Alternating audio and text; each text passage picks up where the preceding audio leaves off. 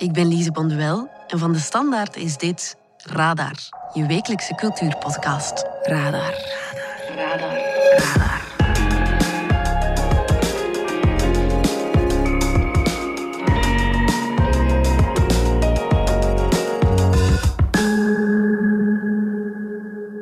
Geloof mij, het is echt 100% toeval, maar deze radar wordt een beetje een thema-uitzending over seks. Seks. Sex. Sexual health. Want we gaan het eerst en vooral hebben over sex education. De populaire Netflix-reeks over een sekstherapeute en haar tienerzoon. Otis, what's in your face? It's a moustache. I've been growing it all summer. Het derde seizoen is net gelost en volgens mediaredactrice Valerie Droeven is het Really good. geweldig. I think I'm ready to, you know. En dan Georgia O'Keeffe, de Amerikaanse kunstenares die in 1986 op haar 98ste overleed. Je kent haar ongetwijfeld van haar monumentale schilderijen van bloemen, waar critici al eens vagina's in zien. Maar hoe erotisch is het oeuvre van de Amerikaanse kunstenares echt? Kunstredacteur Geert van der Speten ging kijken naar haar grote overzichtstentoonstelling in het Centre Pompidou in Parijs en kwam met roze wangen van opwinding terug. De beide. Welkom bij Radar. Radar.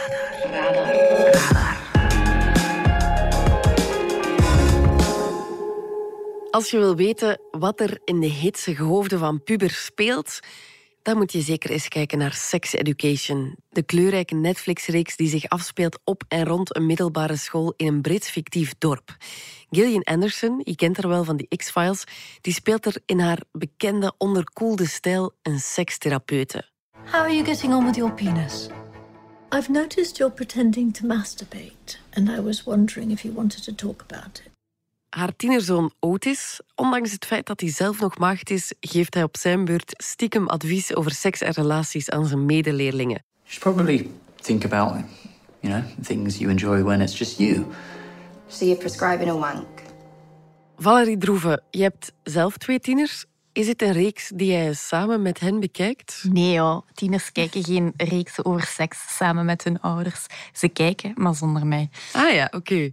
Maar je vindt wel een uitstekend idee dat je kinderen er naar kijken. Hè? Absoluut. Ik vind het eigenlijk een eh, zeer goede vorm van seksuele opvoeding eh, die ze daarin krijgen. En waarom? Ja, de reeks is gemaakt door Laura Nunn. Ja. Eh, het is haar eerste, eh, de eerste reeks die ze ooit geschreven heeft. En een van de ideeën waarom dat ze de reeks wou maken, was het feit dat ze in haar eigen middelbare schoolperiode absoluut geen toereikende seksuele opvoeding heeft Ja, gekregen. herkenbaar. Heel herkenbaar, absoluut. Dus wat ze eigenlijk gedaan heeft, is ze heeft een reeks geschreven, een soort van tienerreeks, coming-of-age reeks, waar dat seks centraal in staat, eh, langs alle kanten. En eh, ja, de manier waarop het geschreven is, de dingen die gebeuren, hoe het verhaal zich ontwikkelt. eh, ja, het zet je aan het denken over hoe wij als maatschappij, hoe jonger met seks omgaan. Mhm. En het kiest eigenlijk altijd wel zo de juiste uitweg, vind ik Oké, en waarom? Belangrijke thema's gaan bijvoorbeeld over queerness. Hè. De, de, het is een heel diverse cast en eh, hun, hun seksuele geaardheid eh, gaat alle kanten uit.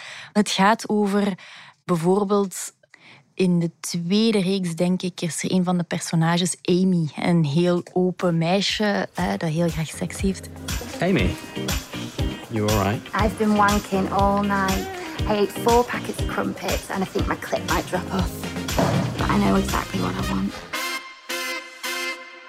Eh, die wordt eigenlijk aangerand op de bus. Ames, why are you crying? Because I can't get on the bus. En ze is daar zelf zich niet zo bewust van hoe zwaar dat eigenlijk weegt voor haar. En Ze begint eh, zichzelf de schuld te geven. Ze is te lang blijven glimlachen. Ze had harder moeten reageren. Het mechanisme waarmee dat uitgelegd wordt in die reeks, hoe dat voortwerkt bij haar en hoe zij daar verkeerd eigenlijk mee omgaat, dat is zo herkenbaar. Ja, ik denk dat elk tienermeisje dat meegemaakt heeft. Seksuele opvoeding die, deze dagen, daarin is toestemming denk ik een heel belangrijk thema. hè. Een vriendin van mij vertelde over laatst ook dat zij geeft seksuele opvoeding onder Ja. meer op school. En ze zegt dat heel vaak deze reeks ehm, op tafel gelegd wordt. Als zij het zelf niet doet, dan zijn het haar leerlingen die het doen omdat die dat soort uh, mechanismen heel goed uitleggen. Wat is toestemming? Wanneer moet je je toestemming geven? Wanneer moet je toestemming krijgen? Dat zijn vaardigheden waar, waar tieners niet altijd heel, heel, heel goed in zijn. Hè? De grenzen die zij nog niet zo goed kennen.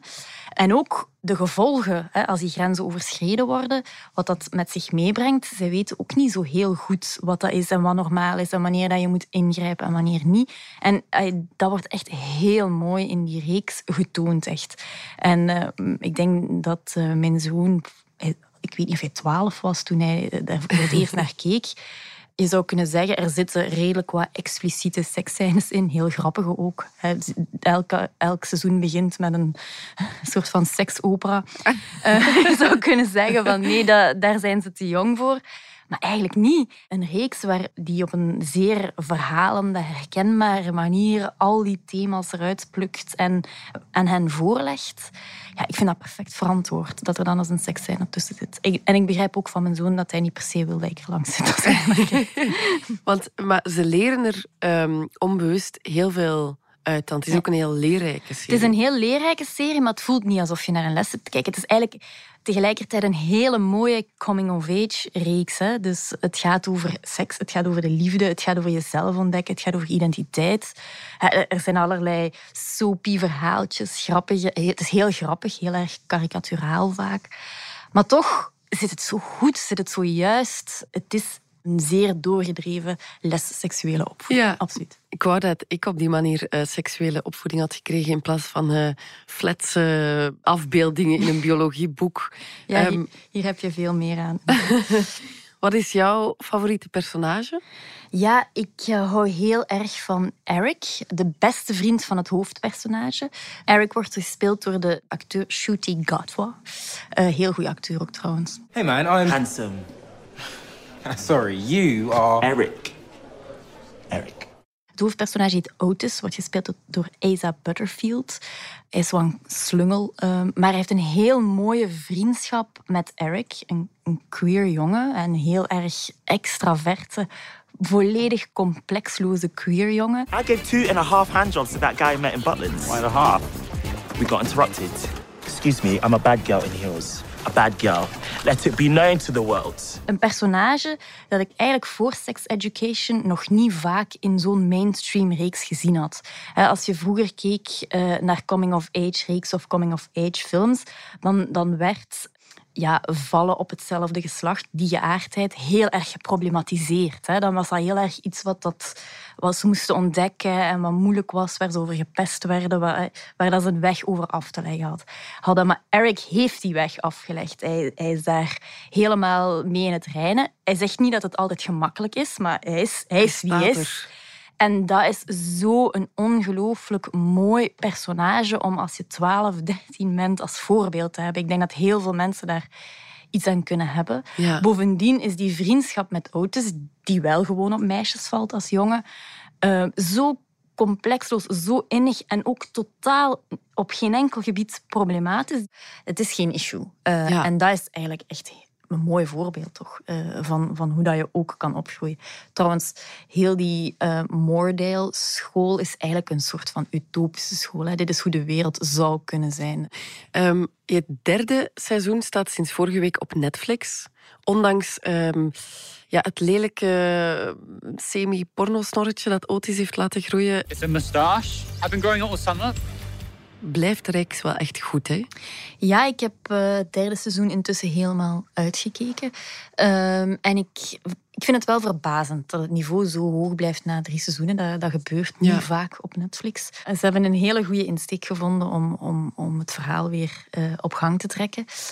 En een van de dingen die ze in gang hebben gezet al in het tweede seizoen, dat was eigenlijk, vind ik, heel slim van de schrijvers, is dus je hebt de, de verhalen en de liefdeshistories uh, van de tieners. Mhm. Maar uh, in het tweede seizoen um, krijgt ook Jean Milburn, de moeder, hè, die sekstherapeut is, de moeder van Otis, uh, begint ook een, een relatie. En, het, het mooie aan dat personage is, en dat wordt nog meer en beter uitgewerkt in het derde seizoen, is dat zij alles weet van seks. Ze is heel open met haar zoon over seks, maar ze kent de ballen van liefde. Daar kent ze niks van. En die tegenstelling, ik denk dat dat ook voor heel veel mensen die wat ouder zijn dan tieners, eh, heel erg herkenbaar is. Ehm, ja, het verdubbelt ook zo zijn publiek. Hè. Niet alleen tieners vinden het interessant, maar ook mensen die, die al verder in het leven zitten. Ja. En waar gaat het derde seizoen eigenlijk over? Ja, de insteek... Uh, eind van het tweede seizoen is de directeur, Mr. Groff, weggegaan. Uh, er komt nu een nieuwe directrice, gespeeld door hmm. Jemima Kirk, een van mijn favoriete actrices in Girls. Uh, die eigenlijk een beetje de antithese speelt van Jessa in Girls. En in Girls was ze vrij gevochten, uh, vuifbeest. Um, maar ze komt naar de school, Moordale, om daar de seks te beperken. Hè. I am your new head teacher ervoor te zorgen ah. dat de school van zijn slechte naam als seksschool afgeraakt. What has been dubbed the sex school? Oh. Seems that there are some students here who get a kick out of giving us a bad name. En dat de orde weer terug hersteld wordt in de school. It changes today. De school is uh, in het vorige seizoen in opspraak gekomen omdat er een grote chlamydia-pandemie eh, of epidemie was. en op het einde van het jaar hebben ze ook een musical opgevoerd waar heel veel seksuele uitingen in te zien waren. En uh, dat is slecht gevallen bij het bestuur, dus daarom komt het personage van Jimmy McKirk onder de op zaken stellen. En ze is heel strikt. Hè. Ze, ze moeten binnen de lijntjes lopen, letterlijk vanaf nu. Ze moeten een uniform dragen. Die jongens hebben een ander uniform als de meisjes. Dat levert meteen problemen op in de moderne wereld anno 2021. Want die opdeling meisje-jongen die geldt niet voor iedereen. Er zijn een paar non-binaire personages die niet weten welk uniform of weigeren het juiste uniform te dragen. Dus daar komt die genderidentiteit dan ook boven. Het gaat echt over identiteit dit, uh, dit seizoen. En eigenlijk is dat ook iets wat je een beetje onder tieners in de echte wereld ziet. Hun gender en hoe ze daar tegenover staan is een heel belangrijke bouwsteen geworden van hun identiteit. En als je die gaat beknotten, dan rebelleren ze. Dat is logisch. Wat ook opvalt in uh, Sex Education is natuurlijk de muziek. Want ja, dat is nu eenmaal ook iets heel belangrijk voor jongeren. Ja, ja de reeks doet iets heel tofs met muziek. Het is vaak oude nummers die je te horen krijgt. Het is net zoals de auto's in de reeks, zijn ook hele oude auto's. Terwijl ja, eigenlijk coole auto's. Alles, alles in deze tijdsgeest gezet is, uh, ja, zijn dat soort dingen wel uit het verleden. Het zijn kleine dingen, maar ze vertellen echt een verhaal. Bijvoorbeeld op een gegeven moment schallen de nieuwe, strengere regels door de boksen. Als dat gedaan is, dan krijg je um, This is the Sound of the Police te horen. Van ja. Care as One, een Amerikaanse rapper. That's the sound of the police. That's the sound of the beast. Ook uh, het liedje Fuck the Pain Away van Peaches, die in mijn studententijd echt big was. Fuck the pain away. Fuck the pain away. Fuck the pain away. Fuck the pain away. Peaches is een artieste die heel, heel erg expliciet is over seks, hè, seksualiteit. Maar ook over gender. Hè. Dus iemand die de grenzen ziet vervagen tussen mannelijkheid en vrouwelijkheid. En die daar ook mee speelt in haar muziek en op, haar, op het podium. Ja. Ehm, heeft een, echt een, belangrijke plaats in dit derde seizoen. Ik ga er niet te veel over vertellen, maar het is echt wel heel opvallend. En laat nu ook net die thema's heel erg belangrijk zijn in dit derde seizoen. Er zijn, worden heel mooie vragen gesteld over wat mannelijkheid nu precies betekent. En of dat als je queer bent en als man op mannen valt, kan je dan nog mannelijk zijn? Hoe mannelijk kan je dan zijn? Dat zijn dingen uh, waar ik me echt perfect mee van kan voorstellen dat mensen daarmee worstelen. Ja. En die worden dan zo ja, gewoon in die reeks ook expliciet gemaakt. Ik vind dat heel mooi gedaan. Mm -hmm. uh, het derde seizoen van Sex Education is nu te zien op Netflix. Valerie, bedankt. Graag gedaan. Radar, radar, radar, radar. Wat zien mensen als ze kijken naar de bloemenschilderijen van Georgia O'Keeffe? Hmm, goh.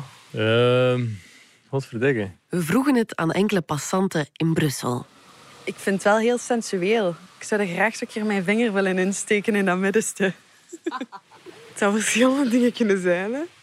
Zo een artichok, maar dan um, vloeiender. Oh, het lijkt me zoiets dat aan het groeien is. Zo'n knop van een ontspruitende bloem of zo. Uh, een bloem? Een tulpen? Zijn het bloemen wel een heel bijzondere bloem dan. Of zien ze eerder... Ja, ik zie daar, maar misschien is dat mijn, uh, vieze geest. Vieze, nee, niet vies. Ja, ik zie daar een vagina in. Vagina's. Absoluut. Ik zie de buitenste schaamlippen, de binnenste, de clitoris en het begin van de baarmoederhals. Maar dan alsof dat er iets er gepenetreerd heeft. Ja, een uh, augurk of zo, of een komkommer. Een zeekomkommer. ja, schaamlippen. De meningen zijn... Met veel fantasie, hè? Verdeeld. Ja, ja je, zet, je kunt het als een, een grot zien. Maar toch? Maar ook heel duidelijk als, als een, een schede, hè. Klinkt het overtuigend? Sowieso, ja. Ik denk dat dat eerst is wat, allez, wat ik aan denk. is de schede. Geert, jij bent net haar grote overzichtstentoonstelling gaan bekijken in Centre Pompidou in Parijs. Ja, hoe is het om voor zo'n bloemenschilderij te staan? Want het was jouw eerste keer, hè? Ja, de eerste keer dat ik toch een grotere groep van uh, bloemenschilderijen zag. En ik stond ook meteen voor uh, het werk uit 1932, Jimson Weed, White Flower Number One. Ja. Een legendarisch werk, omdat het verkocht werd in 2014 voor 44 miljoen dollar, waarmee Georgia O'Keeffe uh, de duurste vrouwelijke kunstenaar werd. En dat is ze nog altijd. Het record is nog, houdt nog altijd stand. Het is een, um, een schilderij van een uh, bloem in uh, close-up. Een doornappel, Jimson weed. Een giftige bloem. Een bijzonder uh, mooi kleurrijk werk. heel sensueel geschilderd, zoals veel van haar bloemschilderijen. Ja. Ik kan natuurlijk niet anders dan het jou te vragen, hè, Geert. Wat is jouw interpretatie na deze expo in Centre Pompidou? Zijn het vagina's of niet? It's in the eye of the beholder, denk ik dan. Mhm. Het is wat je er zelf bij het eerste zicht in ziet. En natuurlijk, één keer je daarop gewezen bent, kan je moeilijk anders dan het, het niet zien. Ja, dus wat zag jij? De beide. Het is namelijk ehm, ook typisch dat O'Keeffe daar een beetje een spel en een raadsel van gemaakt heeft. Ja. Ze heeft tegelijkertijd het expliciete karakter daarvan ontkend, maar ook gevoed. Men is uh, die kritiek of die opmerking daarover blijven gebruiken. Het valt ook op, als je dan een beetje verder in de tentoonstelling loopt, dat ze dat doortrekt naar uh, haar landschapskunst. Ze heeft uh, haar laatste jaren doorgebracht in een ruig woestijn- en berglandschap, Mhm. waarvan ze de bergen ook afbeeldt als, ja, je kan er huidplooien in zien, ja, anatomie. Bijna. Ja, dus het was geen uitzondering in vergelijking met de, met de bloem close-ups die ze maakte. Ja, en sommige bergen of heuvels lijken ook uh, benen waartussen je dan een vagina kunt zien. Ja, dat klopt. Ja. Ja. Het is wel zo dat andere kunstenaars uh, explicieter met de bloemen als erotische motieven hebben omgesprongen. Ja. Ik denk daarbij aan Robert Mapplethorpe, vooral in de jaren tachtig, die heel sterk het, het fallische karakter van bloemstampers uitspeelt. Maar ook een vrouwelijke fotograaf zoals Imogen Cunningham, Ja. die ook uh, het thema bloem is gelijk aan erotiek gebruikt. En dan, als je het over fotografie hebt, dan um, valt het op dat die voor Georgia O'Keeffe ook een eye-opener was. Ze kwam in de galerie van haar man en uh, galeriehouder Alfred Stieglitz. Mhm. Fotografie tegen van Amerikanen zoals Paul Strand, Ansel Adams, Edward Weston. En daar zag zij hoe je kan een close-up gebruiken en ook een aparte kadrering en invalshoek om accenten te leggen. Zij besefte dat een gewoon schilderij van een bloemetje dat dat veel te minuscuul was en dat zij veel meer effect kon bereiken als zij die bloem uitvergrootte tot een uh, schilderij of oppervlakvullend uh, detail. Ja. Het was een link die ik daarvoor nog niet eerder uh, gelegd had en die ik dankzij deze tentoonstelling iets helderder nu heb ontdekt. Mm -hmm.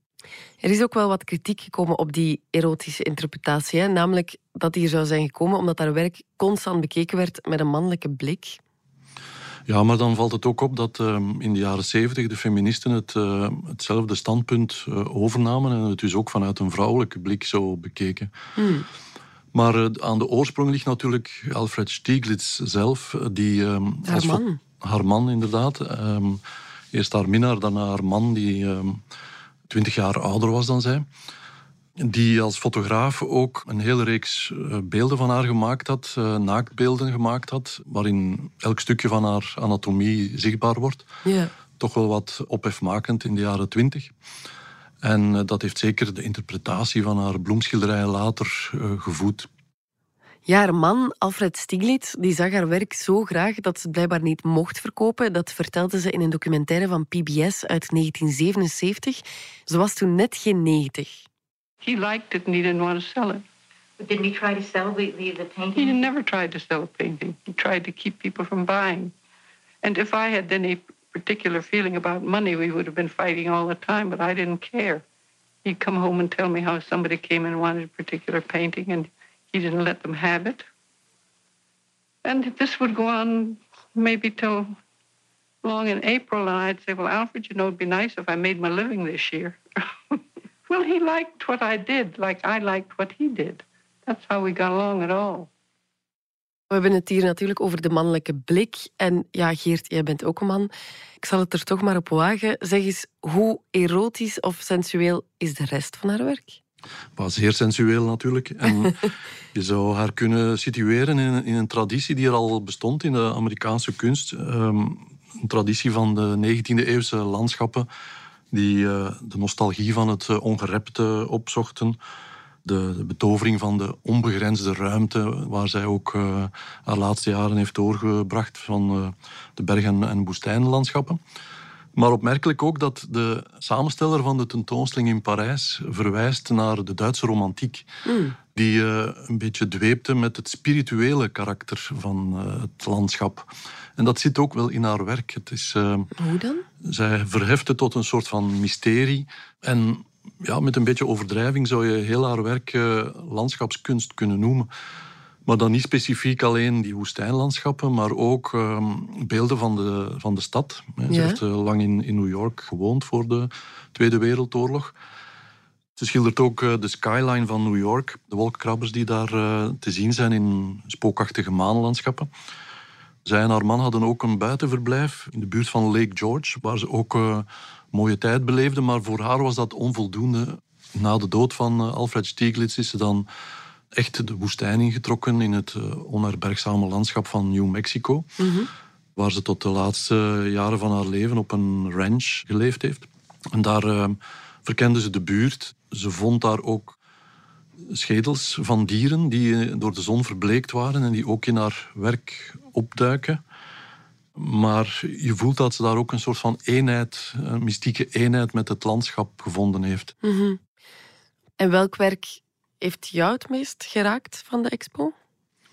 Wel, toen ik alle bloemenschilderijen en landschappen had uh, gezien, stond ik plots voor uh, Winter Road Number One, een werkje uit 1963 uit de National Gallery of Art in Washington. Het is een bijzonder sober werkje. Je ziet eigenlijk een lijn die door het uh, schilderij loopt, een, een, wit vlak. En het stelt een weg voor door een sneeuwlandschap. En mij frappeerde het vooral omdat het zo'n minimalistisch werk is, um, waarbij met karige middelen een groot effect wordt bereikt. En het toont ook aan dat zij um, altijd een heel sterk figuratief beeld, een, een verhalend element, toch gebruikt als aanleiding van haar kunst, die haar soms tot heel uh, ver in de abstractie voerde. Mm -hmm. Ja, de overzichtstentoonstelling van Georgia O'Keeffe loopt nog tot 6 december in Centre Pompidou in Parijs. Geert van der Speten, bedankt. My pleasure. De suggestie van de chef. Afsluiten doen we elke week met een suggestie van de chef cultuur van de Standaard. Een man die al eens graag zelf achter de deks kruipt, Filip van Ongevallen. Come on. Dance with me.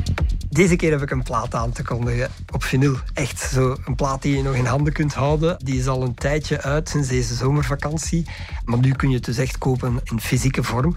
Zijn de, een liedje dat al wat ouder is, maar dat Charlotte Witt en haar partner Enrico San Giuliano nu hebben geremixed.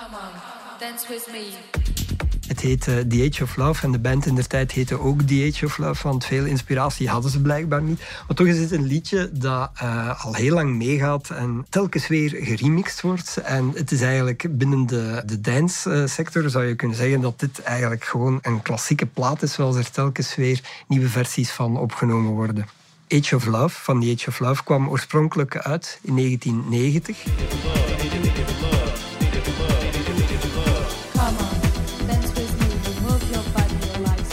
Bij een klein Belgisch labeltje, Dicky Records, in Gulligem. En het werd gemaakt door twee Italianen. Bruno Sanchioni, die we kenden als producer van x aantal New Beat platen. En Giuseppe Kerchia, die onder het pseudoniem Pino D'Angio een hit had gehad in de jaren 80 met uh, Makwal Idea.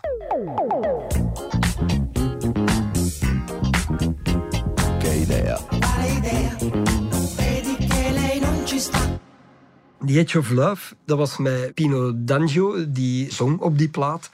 Dat was een plaatje dat tegelijk klonk als Anne Clark en From 242, maar er zaten ook nog wat New Beat-invloeden in. Maar dus ook die vervelende stem van Pino D'Angio, want eigenlijk klonk dat gewoon niet goed.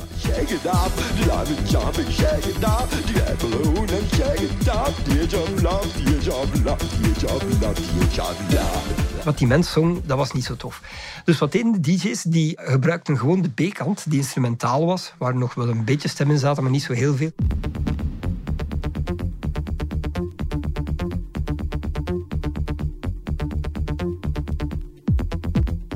Die gingen vooral dat draaien in de clubs. Een grote hit werd dat niet in 1990, maar in sommige clubs werd het dus wel uh, opgedanst. Dat gebeurde daar twee jaar zo goed als niks mee. En in 1992 pikten twee Duitsers dat liedje op. zijn de Jam Spoon. En die remixten het. En het is in die remix dat het eigenlijk heel bekend is geworden, The Age of Love. Ja, ze versnelden het nummer aanzienlijk. En tegelijk stak er ook toch nog altijd een beetje melancholie in. Ik hoor dat graag, want als er in een dansplaat melancholie in zit op de dansvloer, sta je misschien ook wel om je tristesse een beetje uh, van je af te dansen. En dat is wel tof als het daar een beetje in terugkomt. Dus Jam Spoon die liet in de mannelijke stem helemaal weg. Ze gebruikte wel nog de vrouw. Dat was trouwens een Nederlands fotomodel, Karen Mulder. En dan werd dat een hit die wereldwijd ging en dat echt wel een klassieker is geworden. Het wordt ook de eerste treinsplaat genoemd. Het is sindsdien nog ettelijke keren opnieuw geremixed. En dus nu uh, heeft ook Charlotte Witte en haar partner Enrico San Giuliano dat gedaan. Come on, dance with me. Die hebben zo de beat van uh, Jam Spoon in der tijd wel gehouden, maar ze zetten alles zo net iets vetter aan. Als ik zelf zou draaien, zou ik het denk ik drie of vier keer na elkaar durven opzetten. Gewoon om te zien of de mensen wel blijven dansen. Het duurde ook lekker lang, acht minuten. Ik kan er blijven naar luisteren. En als het op mijn dansvloer zou staan, ik zou echt wel met mijn armen wijd open er staan op dansen. Moest het op straat zijn en er zou een auto staan. Ik zou zelfs op die, op die motorkap durven springen om verder te dansen. Ik vind het echt uh, wel een heel vette schijf. Radar.